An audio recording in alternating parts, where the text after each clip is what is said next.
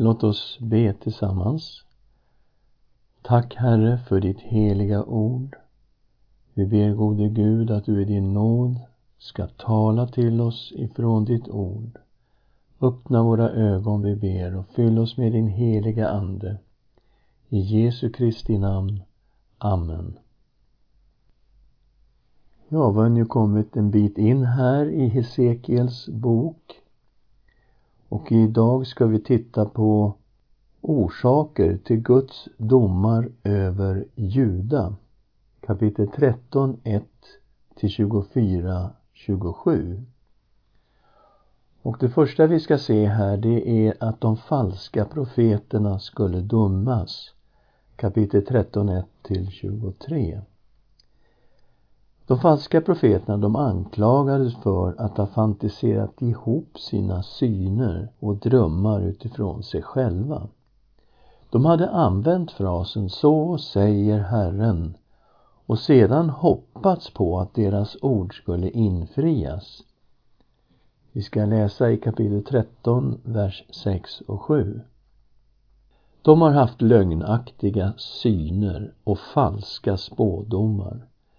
De säger så säger Herren, men Herren har inte sänt dem. Och ändå hoppas de att deras ord ska gå i uppfyllelse. Var det inte falska syner ni såg och lögnaktiga spådomar ni uttalade när ni sa Så säger Herren, fastän jag inte hade talat något sådant. Och vi ser ju stora likheter mellan de falska profeterna här och de vi mötte i Jeremias bok. Även där profeterade dessa profeter sånt som var politiskt korrekt. De sa sånt som folk ville höra. Och det ser vi på flera ställen i Jeremias bok. Gud skulle döma dessa falska profeter hårt. Alla avgudadyrkare skulle dömas. Kapitel 14, 1-11. En grupp av Judas äldste hade kommit till Hesekiel och de satt hos honom. Och de satt där och de låtsades att de var sanna tillbedjare av Herren. Men Gud uppenbarade för profeten att männens hjärtan var fyllda av avguderi. Därför uppmanades de att verkligen vända om till Herren. Och vi ser att domen redan var beslutad. Kapitel 14, vers 12 23. Om till och med Noa, Daniel och Job skulle ha varit i Juda skulle landet ändå gått under. Dessa tre gudfruktiga personer skulle visserligen rädda sina egna liv men inte ens sina egna familjers liv. Och att Daniel var omnämnd tillsammans med Noa och Job, det kan ju förvåna. De här två figurerna levde ju för jättelänge sedan. Och man har undrat, vem skulle denne Daniel kunna vara? Kan det verkligen vara Daniel som är samtida med Hesekiel? Ja, det kan vara Daniel som är samtida med Hesekiel. Man tänker på att han fördes som fånge till Babel redan 605 för att få en treårig utbildning. Och tanken var ju sen att han skulle tjäna vid Nebukadnessars hov. Och det här ser vi i Daniel kapitel 1, vers 3 5. Kungen befallde sin förste hovmarskalk, Ashpenas, att hämta några av Israels barn från kungaätten eller av förnäm börd. Unga män utan defekter som såg bra ut. De skulle kunna tillägna sig all slags lärdom, vara kloka, ha lätt för att lära och vara dugliga att tjäna i kungens palats. Och så står det lite längre ner. De skulle läras upp i tre år och därefter tjänstgöra hos kungen. Okej, okay, så vi har ju Daniel i Babel vid den här tiden. Och redan i sitt andra regeringsår fick Nebukadnessar sin dröm om världsrikena som enbart Daniel kunde uttyda. Och det här ser vi i Daniels andra kapitel. Och det var inte så att han bara kunde uttyda drömmen. Han kunde ju också tala om för kung Nebukadnessar vad han faktiskt hade drömt. Han fick både drömmen och uttydningen direkt ifrån Gud. Det är ju därför rimligt att hans status hade nått enorma höjder bland de judiska fångarna i Babel 592 f.Kr. Så det är inte otänkbart alls att det är den samtida Daniel som det handlar om. Sen läser vi att Jerusalem var som en förtorkad vinstock, kapitel 15, vers 1 till 8. Det var Gud som sa att Jerusalem var som en förtorkad vinstock. Den dög inte till någonting förutom att brännas upp. Och det var ju det som skulle ske med Jerusalem. Och Herren beskrev Jerusalems historia 16.1-63 och vad Herren pekade på det var att Jerusalem kom från en helt hednisk bakgrund. Vi läser i 16.3 så säger Herren Gud till Jerusalem Från Kanans land kommer du och där är du född. Din far var Amoré och din mor en hetitisk kvinna. Och när David intog staden så styrdes den av jebusiterna. Det ser vi i Andra Samuelsboken kapitel 5, vers 6 till 9. Herren beskrev hur han tog sig an Jerusalem när hon var som en liten flicka. När hon växte upp, ja då gjorde han ett äktenskapsförbund med henne i kapitel 16, vers 8. Jag gick förbi där du låg och såg på dig. Och se, din älskogstid var inne. Jag bredde min mantel över dig och täckte över din nakenhet. Jag gav dig mitt trohetslöfte och ingick förbund med dig, säger Herren Gud, och du blev min. Så Herren beskriver det som att han gifte sig med Jerusalem. Jerusalem blev hans stad. Men sen blev Jerusalem otrogen med andra gudar och begick andligt äktenskapsbrott. Och hon tog inte ens varning av att Sodom och Samaria gått under på grund av sin synd. Jerusalem gick istället längre än dessa städer i sin dyrkan av avgudar. Men Gud skulle döma Jerusalem för hennes andliga äktenskapsbrott. Kapitel 16, vers 59. För så säger Herren Gud, jag ska göra med dig efter dina gärningar, du som föraktar eden och brutit förbundet. Herren skulle inte bryta sitt förbund med Jerusalem.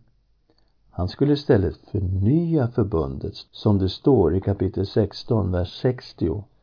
Men jag ska komma ihåg mitt förbund med dig i din ungdoms dagar och upprätta med dig ett evigt förbund. Jerusalem skulle en dag ångra sig från sin synd. Gud skulle förlåta henne och relationen med Herren skulle återupprättas. Så Herren talade här om ett evigt förbund och då börjar vi genast blicka framåt mot det nya förbundet. Vi läser i kapitel 16, vers 62 och 63. Och jag ska upprätta mitt förbund med dig och du ska inse att jag är Herren. Då ska du minnas det och skämmas så att du av skam inte mer öppnar din mun när jag förlåter dig allt som du har gjort, säger Herren Gud. Och det är klart att det är ju så att Juda skulle få återvända en dag. Vi vet att kung Koresh av Persien uttalade att judarna skulle få gå tillbaka 539 och i verkligheten så var de väl tillbaka 538 ungefär. Men samtidigt ser vi här om ett nytt förbund och ett evigt förbund. Och då börjar vi ana att det har kopplingar till det nya förbundet som Gud har lovat genom profeten Jeremia kapitel 31, 31 34. Och vi läser igen om det nya förbundet. Se dagar ska komma, säger Herren. Ty jag sluter ett nytt förbund med Israels hus och med Juda hus. Inte som förbundet jag slöt med deras fäder på den dag jag tog deras hand och förde dem ut ur Egyptens land. Förbundet med mig som de bröt, fastän jag var deras rätte herre, säger Herren. Nej, detta är förbundet som jag efter denna tid ska sluta med Israels hus, säger Herren. Jag ska lägga min lag i deras inre och skriva den i deras hjärtan. Jag ska vara deras Gud och det ska vara mitt folk. Då ska de inte mer behöva undervisa varandra, ingen sin bror och säga Lär känna Herren. Alla ska känna mig, från den minste av dem till den störste, säger Herren. För jag ska förlåta deras missgärningar och aldrig mer minnas deras synder. Och när vi gick igenom Jeremias bok så gjorde vi ett djupare studium av just de här verserna om det nya förbundet. Ja, vi är tillbaka i Hesekiel och vi ska titta på liknelsen om kung Sidkias förbundsbrott kapitel 17, 1-24. År 597 hade Nebukadnessar av Babel intagit Jerusalem och för 10 000 fångar till Babel och vi vet att Hesekiel var bland de här fångarna. Kung Nebukadnessar insatte då Sidkia som kung i Jerusalem. Samtidigt slöt Nebukadnessar och Sidkia ett förbund. Sidkia tvingades lova att betala skatt till Babel och inte göra uppror. Men Sidkia ville bli av med Babels skatteok så han gjorde en allians med Babels fiende Egypten. Detta ledde till att Nebukadnessar belägrade Jerusalem. Egypten skickade då en armé för att undsätta Jerusalem 588 f.Kr. Men Nebukadnessar besegrade egyptierna och fortsatte med att belägra Jerusalem. Det är det här som ledde till Jerusalems fall 586 före Kristus. Herren lät Hesekiel presentera en liknelse där Sidkia beskrevs som en cederkvist. Liknelsen gick ut på att Sidkia skulle straffas för att han inte hållit förbundet med Nebukadnessar. Han skulle dö i Babel. Kapitel 17, vers 16 till 18. Så sant jag lever, säger Herren Gud, han ska dö i Babel, där den kung bor som gjorde honom till kung, för han föraktade eden han hade gett honom och bröt förbundet han hade slutit med honom. Inte heller ska farao med stor här och mycket folk kunna hjälpa honom i kriget när man kastar upp en vall och bygger en belägringsmur till undergång för många människor. Han föraktade eden och bröt förbundet och gjorde allt detta fastän han hade gett sitt löfte. Han ska inte komma undan. Sedan förlängde Herren den här liknelsen och sa att han skulle plantera en cederkvist på Israels berg. Den kvisten skulle en dag bli ett mäktigt träd. Kapitel 17, vers 22 och 23. Så säger Herren Gud. Jag ska själv ta en kvist från den höga sedens topp och plantera den. Av dess översta grenar ska jag bryta av en späd kvist och själv plantera den på ett högt och brant berg på Israels höga berg ska jag plantera den och den ska få grenar och bära frukt och bli en utsökt seder. Alla slags fåglar ska bo under den och finna skugga under grenarna. Ja, Herren skulle alltså ta en kvist och plantera den igen i Israel. Ja, cederkvisten hade symboliserat en kung. Det var kung Sidkia i den här liknelsen. Så vi antar då att fortsättningen också syftar på en kung. För en dag skulle Gud återplantera en ättling till David i Israel. Den första från kungaätten som kom tillbaka, det blev ju Serubabel. Vi ser det i Esra kapitel 3, vers 2. Han blev den första ståthållaren bland dem som fick komma tillbaka till landet och han blev också den som ledde arbetet när det nya templet invigdes 516 f.Kr. Och där ser vi Sakarja kapitel 4, vers 8 till 10. Och Herrens ord kom till mig. Han sa Serubabels händer har lagt grunden till detta hus och hans händer ska också göra det färdigt. För du ska förstå att Herren Sebaot har sänt mig till er. För vem föraktar den ringa begynnelsens dag? De gläds över att se murlodet i Serubabels hand, dessa Herrens sju ögon som far omkring över hela jorden. Okej, okay, så Serubabel fick vara med och inviga det nya templet 516 före Kristus. Men han är en viktig person för han är med i Jesus släkttavla.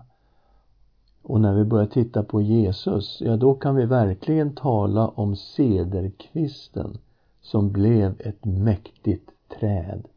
Vi ska läsa om det här med Serubabel i Jesus släkttavla i Matteus 1, 12-13.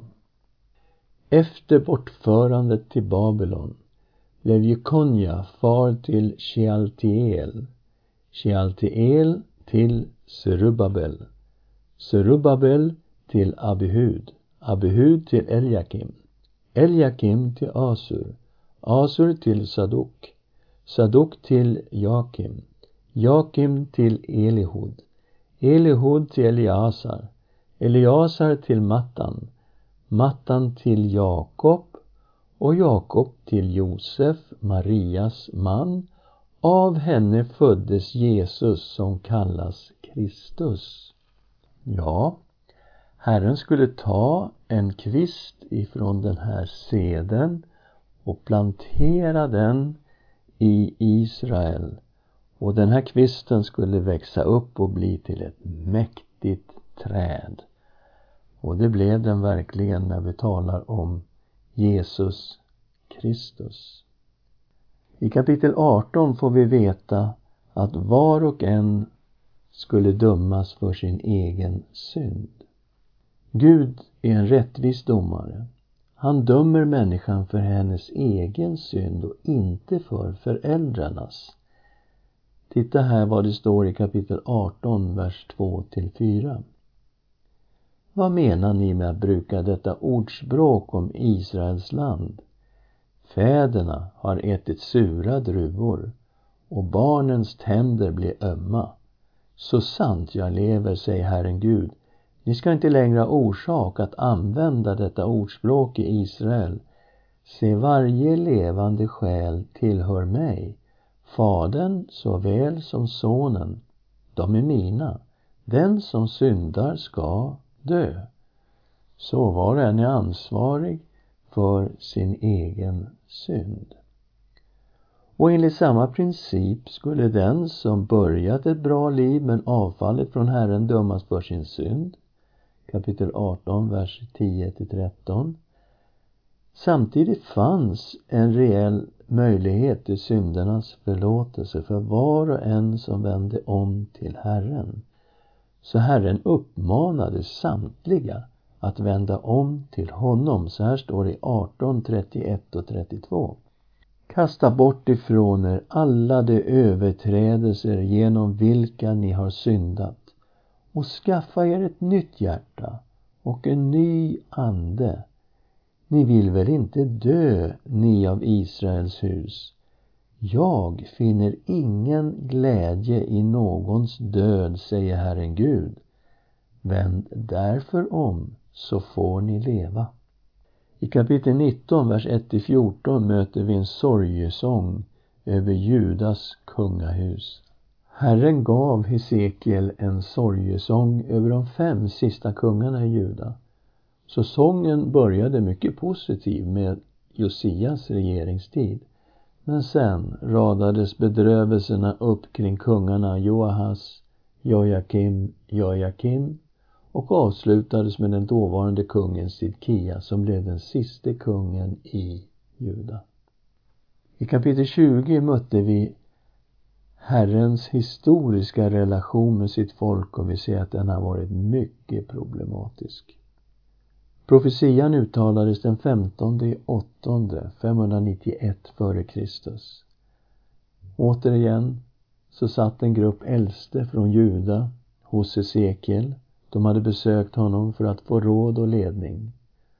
Och Herren gav dem då en historisk tillbakablick av sin relation med Israels folk genom historien och han började redan i Egypten på Moses tid. Herren befriade dem från slaveri i Egypten för att föra dem till löfteslandet. Men folket var upproriskt mot Herren och tillbad egyptiska gudar får vi reda på i 20 och 8. Men för sitt namns skull, för sin äras skull, så straffade inte Gud dem redan i Egypten. Samma mönster upprepades under ökenvandringen 2013. Men för sitt namns skull så lät Herren dem leva 2022. När Israel kom in i löfteslandet fortsatte de med avguderiet 2028. Herren anklagade dem för att fortfarande dyrka avgudar och därför ville han inte ge de äldste som satt hos Hesekiel några råd 2030-31. Om de ändå ville fortsätta med sina avgudar så ville Herren inte ha någonting med dem att göra. Han ville inte ta emot en synkretistisk tillbedjan tillsammans med olika avgudar. Och det är det här som är problemet, det första budet i dekalogen. Du ska inga andra gudar ha vid sidan av mig. De ville ha kvar Herren och samtidigt tillbe andra gudar. Det var därför de tillbad avgudabilderna i Herrens tempel i Jerusalem som vi såg i kapitel 8. Trots detta så talade Gud om att han en dag skulle låta dem få komma tillbaka till landet. Då skulle de förstå att Herren handlade med dem i nåd för sitt eget namns skull, inte för deras skull för att de var tillräckligt bra eller goda eller någonting sånt. Folket skulle då ångra alla sina synder. Vi läser i kapitel 20, vers 41 44. Som en ljuvlig doft ska jag ta emot er när jag för er ut från folken och samlar er från de länder där ni varit skingrade. Jag ska visa mig helig bland er inför hedna folkens ögon. Ni ska inse att jag är Herren när jag låter er komma in i Israels land, det land som jag med upplyft hand lovade att ge åt era fäder. Där ska ni tänka tillbaka på era vägar och på alla de gärningar som ni orenade er med.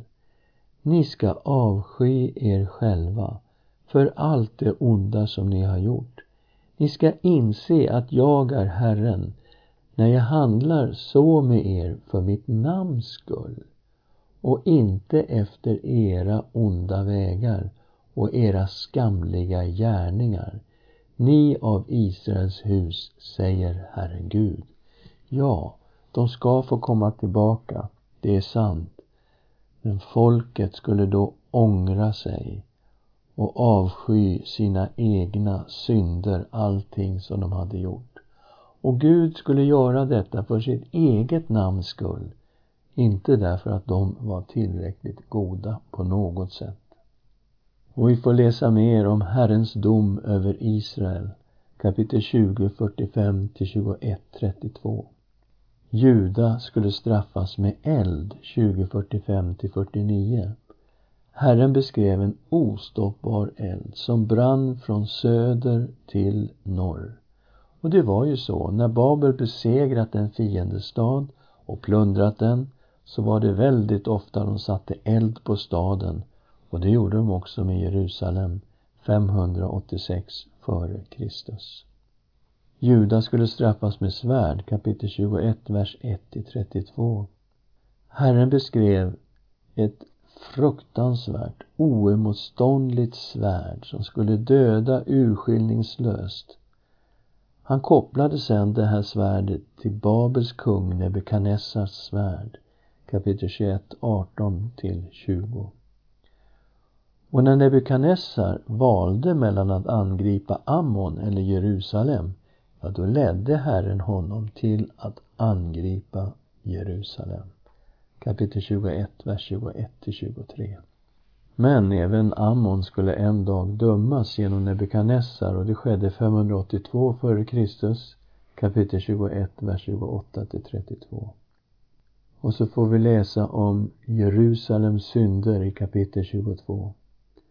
Herren kallade Jerusalem för blodstaden, där många oskyldiga får sätta livet till. Han pekade på deras avguderi och han listade ett antal synder som florerade i Jerusalem. Allt detta var orsaken till Herrens dom över staden. Sen beskrevs städerna Samarias och Jerusalems andliga otukt i kapitel 23. Herren beskrev Samaria och Jerusalem som två unga kvinnor. Herren lät Samaria, som var huvudstaden i Israel, det norra riket, han lät Samaria kallas för Ohola och Jerusalem, huvudstaden i Juda, för Oholiba. Ända från sin ungdom begick de här städerna otukt med olika avgudar. Detta pågick under städernas hela historia. Problemet var att Herren var deras äkte man samtidigt som de begick andligt äktenskapsbrott med olika avgudar. Det här ser vi i kapitel 23, 35 39. Därför säger Herren Gud så. Eftersom du har glömt mig och kastat mig bakom din rygg måste du också bära följderna av din lösaktighet och din otukt. Herren sa till mig, Människobarn, vill du döma Ohola och Oholiba? Tala du om för dem vilka vidrigheter de ägnat sig åt. För de har begått äktenskapsbrott och deras händer är fläckade av blod. Med sina eländiga avgudar har de begått äktenskapsbrott. Och barnen som de fött åt mig lät dem gå igenom eld som mat åt avgudarna. Dessutom gjorde de mig detta samma dag som de orenade min helgedom vanhelgade de också mina sabbater. Samma dag som de slaktade sina barn åt avgudarna gick de in i min helgedom och vanhelgade den. Sådant har de gjort i mitt hus. Och de här barnen som de slaktade, det var ju det som vi läste om i Jeremias bok. Kapitel 32, vers 34. De satte upp sina vidriga avgudar i det hus som de uppkallat efter mitt namn och orenade det. Och Balshöjderna i Hinnomsons dal byggde de upp för att offra sina söner och döttrar åt Molok fastän jag aldrig hade befallt dem att göra något så avskyvärt eller ens tänkt med det så lockade de även Juda till synd. Så det pågick barnoffer, söner och döttrar offrades till Molok som då var Ammons gud. Och Gud säger här i Hesekiels bok, han kommer att döma dem för detta. Samaria gick under 722 f.Kr. och Jerusalem gick under 586 f.Kr. Herren hade gett landet till Israels folk. Men på grund av synd och avguderi måste hela Israel föras bort i fångenskap till andra länder. I kapitel 24 möter vi Jerusalem som en kokande gryta. Och vi möter två verop över blodsstaden. Och det här att grytan kokade, det signalerade att domen var i antågande. Den var mycket nära. Och kapitel 24, vers 15 till 27 läser vi om att Hesekiels fru skulle dö. Det märkliga var att Hesekiel, han skulle inte visa någon yttre offentlig sorg. Däremot så fick han sörja sin fru enskilt. Så här står det i 24.17. I tysthet får du sörja, men du ska inte hålla sorgefest som efter en död. Sätt på dig huvudbindel och ta skor på fötterna. Skyll inte ditt skägg och ät inget sorgebröd. När folket frågade Hesekiel varför han sörjde på detta sätt så skulle han säga att Jerusalem kommer att ödeläggas. Mängder av människor kommer att dö. Och det skulle inte vara möjligt att sörja sina närmaste på det traditionella sättet i det kaos som skulle uppstå i staden. Hesekiel var på detta sätt ett tecken för vad som snart skulle ske i Jerusalem. Låt oss be tillsammans. Herre, vi fasar när vi läser om dina domar. Vi ser att det var på grund av avguderi att man hade övergett dig och tillbett andra gudar och levt i synd på många olika sätt. Och därför kom domarna. Och vi tänker på det häpnadsväckande att det här landet som du hade gett till Israels folk skulle snart vara öde och tomt med det norra riket bortfört i fångenskap till Assyrien och det södra riket bortfört i fångenskap till Babel. Men vi läser också att du en dag skulle låta dem få komma tillbaka till detta land och att Jerusalem faktiskt skulle återuppbyggas. Tack för de messianska profetiorna som vi märker också i de här situationerna. Att du ska sluta ett evigt förbund med dem. Tack för det nya förbundet i dig, Jesus Kristus, som är ett evigt förbund. I Jesu Kristi namn. Amen.